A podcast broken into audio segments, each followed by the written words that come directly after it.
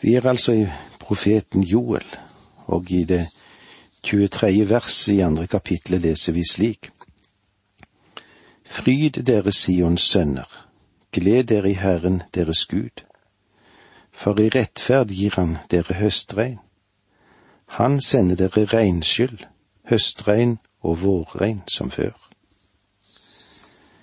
Disse hadde nå regnperioder, og de var ustabile. Og de var utilstrekkelige. I tidligere tider hadde de virkelig sterke regnperioder. Alle fjellskråninger var dekket med trær. Fiendene kom og ødela landets grøder og i dag så prøver de å plante trær på nytt, men de har vanskeligheter med å få disse trærne til å vokse, fordi det ikke er nok høstregn.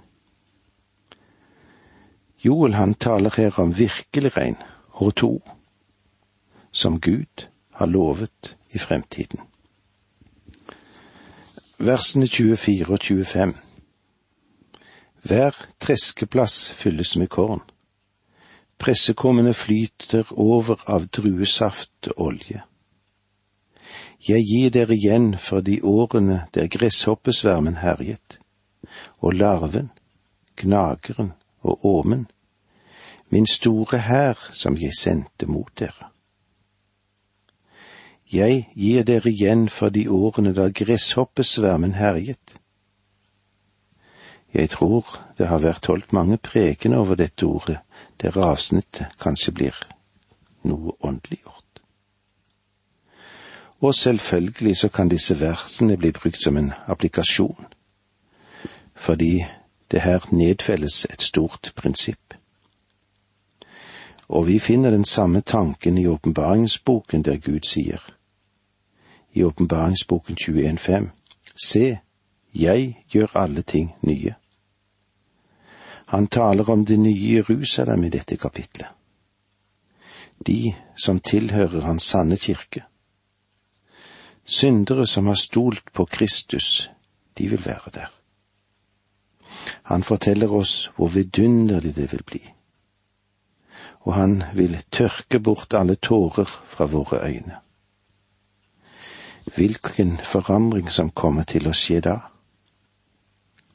Her finnes jo en masse tårer i denne gamle verden hvor vi lever i. Og jeg fryder meg og gleder meg over at Han skal gjøre alle ting nye. Alle ting nye. Jeg vet ikke hvordan du kjenner det, men jeg kan i alle fall si at jeg ikke helt og fullt er tilfreds med livet her nede.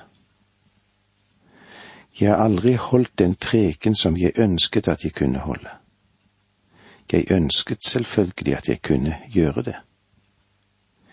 Jeg har hatt den i mitt hjerte og i mitt sinn, men på et eller annet vis så har jeg aldri holdt denne sterke preken som jeg har ønsket.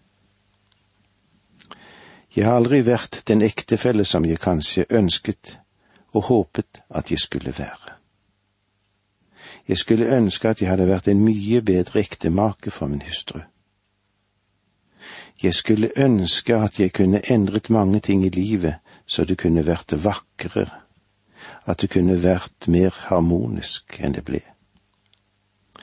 Jeg har heller ikke vært den far som jeg ønsket jeg kunne være. I det hele tatt har jeg aldri blitt en mann som jeg ønsket å være. Og det er en av de grunnene til at de elsker dette verset som står i Åpenbaringen 21.5. Se, jeg gjør alle ting nye. Og Herren skal si, Åge, du fikk ikke full klaff der nede på jorden. Så mye gikk i stykker for deg. Det var mange mål du aldri nådde frem til. Du ble frustrert. Du var begrenset. Der nede var du også preget av en gammel, syndig natur. Nå skal jeg gjøre alle ting nye. Jeg skal gi deg blanke ark og fargestifter skal du òg få. Men et viskelær trenger du ikke, for det er ikke nødvendig å endre noe. Nå kan du skrive livet ditt ut fullkomment. Du kan nå det du ønsket å nå. Se, jeg gjør alle ting nye. Det vil sannelig gjøre himmelen til himmel for mange av oss, dette. Vi vil kunne bli det vi ønsket å bli i våre beste stunder her nede. Tenk å være fri fra omstendighetenes begrensninger. Tenk å være fri for synd. Tenk å være fri fra omstendigheter som vi følte bandt oss. Hvilken herlig erfaring å være, få være fri fra alt dette, å være for Kristi åsyn. Han vil gjøre alle ting nye. Han vil gi oss tilbake de årene som gresshoppene åt opp. Vers 26 og 27 dere skal spise og bli mette og prise Herren deres Guds navn. For Han handler underfullt med dere. Og mitt folk skal aldri bli til skamme. Dere skal få sanne at jeg er hos Israel. Jeg og ingen annen er Herren deres Gud, og mitt folk skal aldri bli til skamme. Dette vil finne sted når han er hos Israel, det vil si når Kristus er kommet til jord og har opprettet sitt rike. Da skal det også være en fylde av fysiske velsignelser som Gud har lovet Israels folk. Og velsignelsen i Det gamle testamentet var stort sett knyttet til materielle forhold. Gud lovet å velsigne landet så de hadde en overveldende høst, og kveget, det ville formere seg og flokkene, de ville bli store. Det ser nesten ut til at de åndelige velsignelser stilles på annen plass.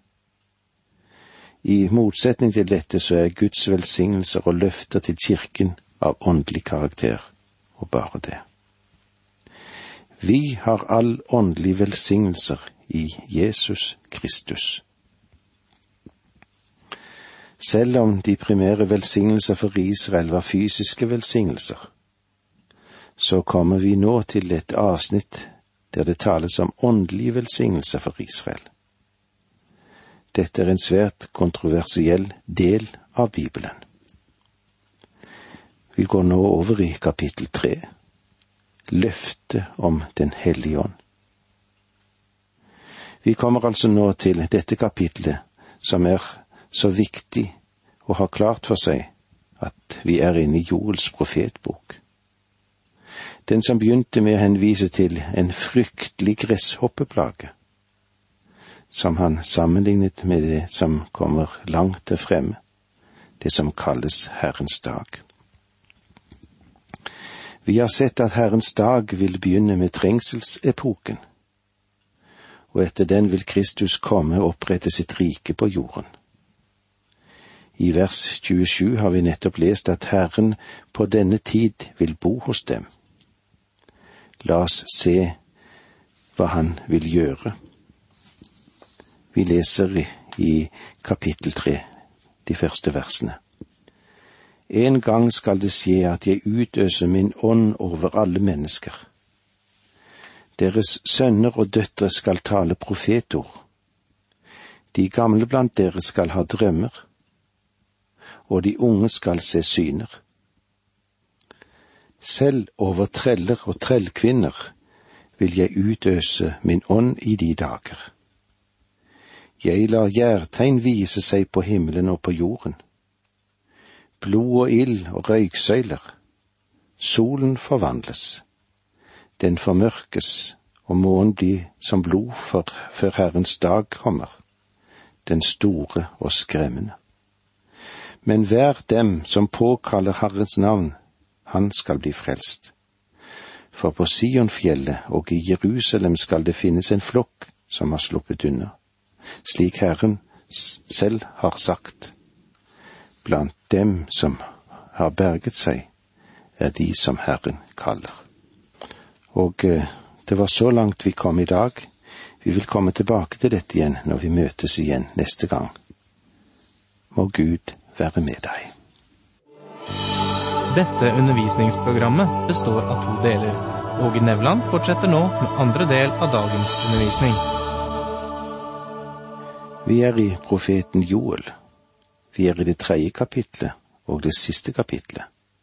Så dette er en kort, men viktig profetbok som vi har i Det gamle testamentet. Vi leser nå sammen de fem første versene i kapittel tre. En gang skal det skje at jeg utøser min ånd over alle mennesker. Deres sønner og døtre skal tale profetord. De gamle blant dere skal ha drømmer, og de unge skal ha syner. Selv over treller og trellkvinner vil jeg utøse min ånd i de dager. Jeg lar gjærtegn vise seg på himmelen og på jorden, blod og ild og røyksøyler. Solen forvandles, den formørkes, og månen blir som blod før Herrens dag kommer, den store og skremmende. Men hver dem som påkaller Herrens navn, han skal bli frelst. For på Sionfjellet og Jerusalem skal det finnes en flokk som har sluppet unna. Slik Herren selv har sagt, blant dem som har berget seg, er de som Herren kaller. Dr. Charles L. Feinberg, han var selv jøde og en fremstående hebraisk lærd. Han skriver da at versene én til fem utgjør et eget kapittel i den hebraiske tekst, og resten da er kapittel fire til grunnteksten. Og han legger til at ingen vil vel tvile på at disse sannheter er viktige nok til å kreve et eget kapittel og i grunnen så kan vi vel si det, at de fem versene er viktige nok til å bli utskilt som et eget kapittel. For å kunne forstå denne profetien så er det et av, de største, av den største viktighet å legge merke til den tid som dette skal fullbyrdes, og som er antydet i disse versene. En gang skal det skje, disse ordene kan også oversettes med etterpå skal det skje. Joel har nettopp skildret Herrens dag. Som den første skriftprofet introduserte han denne dagen, og han forteller hva som vil finne sted i denne epoken. Han har understreket at den vil begynne med mørket over den store trengselsperioden. Det var vår Herre Jesus som ga den det navnet. Vi la òg merke til viktigheten av denne epoken hos Hosea. I kapittel tre vers fem i den profetboken står det skrevet. Siden skal israelittene vende om og søke Herren sin Gud, og David sin konge, og skjelvende skal de komme til Herren og hans gode gaver i de siste dager. Vi beskrev de siste dager som den del av den store trengselsperioden som innvarsler riket ved Jesu komme til jorden, som var begynnelsen til tusenårsriket. Dette får oss til å trekke slutningen at Joel nå taler om en svært eksakt tidsperiode, og at denne profetien skal fullbyrdes under Herrens dag etter den store trengselens natt. Da vil Gud utøse sin ånd over alt kjød. Selv om Joel er den første skriftprofet, så er han ikke den eneste som nevner at ånden skal utøses over alle mennesker. Hos Jesaja leser vi i det 32. kapitlet vers 15. Slik skal det være til ånd fra det høye bli utøst over oss. Da skal ødemarken bli til en frukthage, og det som nå er frukthage, skal regnes som skog. Han taler om det rike som skal reises på jorden, og denne utøsing av ånd henviser til tusenårsriket. Selvfølgelig talte ingen av profetene om evighetens epoke.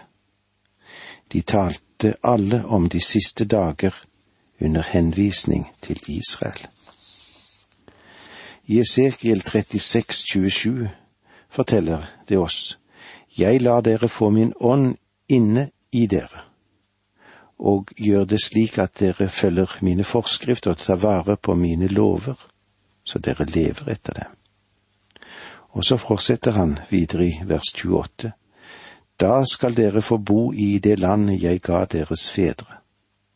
Dere skal være mitt folk, og jeg vil være deres Gud.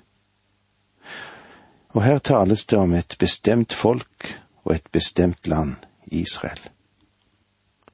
Det er også en spesiell tidsepoke når Gud vil utøse sin ånd. Også Esekiel sier, Jeg gir dere min ånd så dere blir levende, og la dere bo i deres eget land.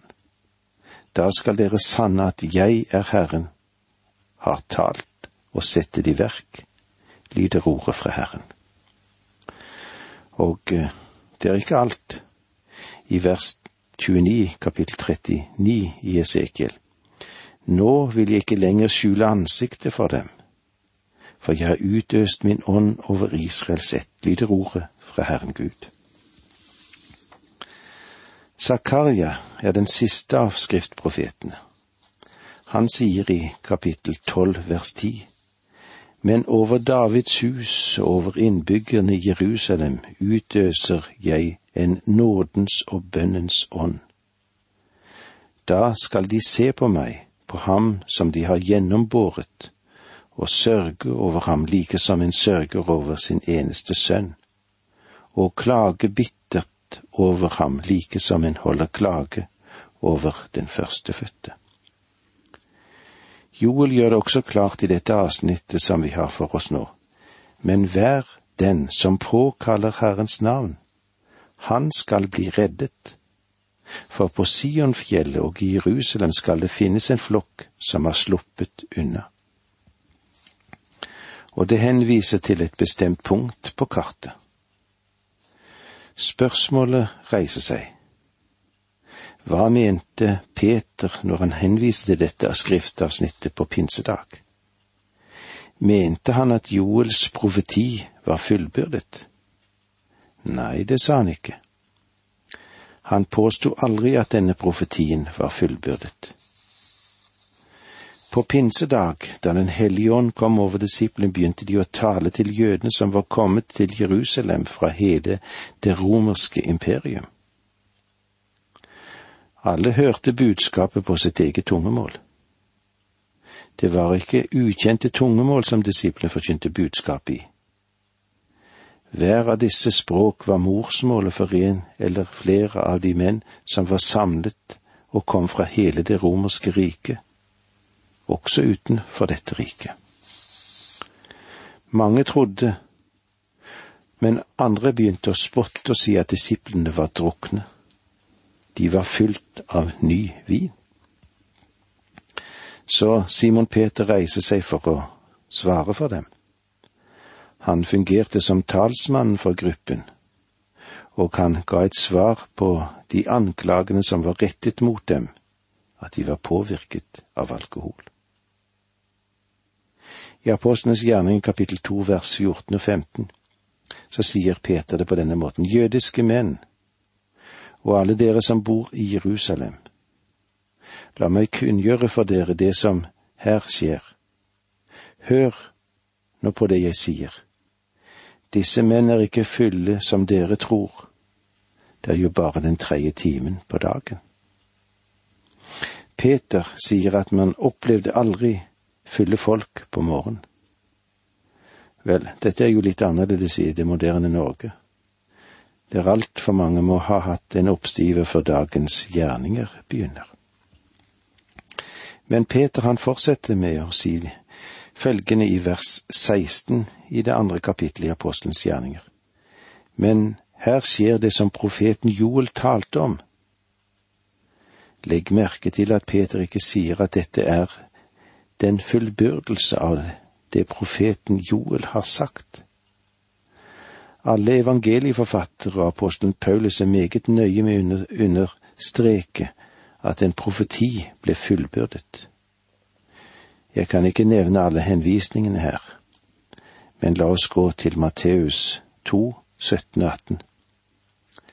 Da gikk det ord i oppfyllelse som er talt ved profeten Jeremia. Rop ble hørt i Rama, gråt og høylytt klage. Rakel gråt over sine barn og ville ikke la seg trøste, for de er ikke mer. Det var oppfyllelsen av en profeti som var knyttet til en tragedie ved Kristi fødsel. Gå nå fram til vers 23, altså i det andre kapittelet hos Matteus.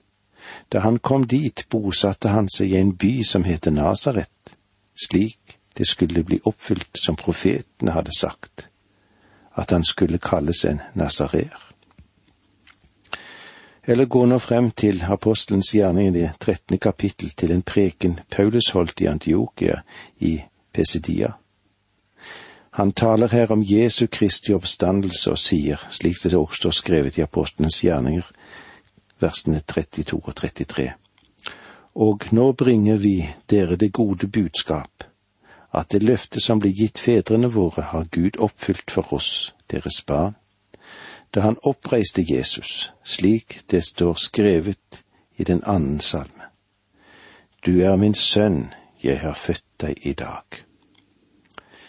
Bibelen er meget klar når det gjelder fullbyrdelse eller oppfyllelse av profeti. Og med disse ordene må vi si takk for nå, må Gud være med deg.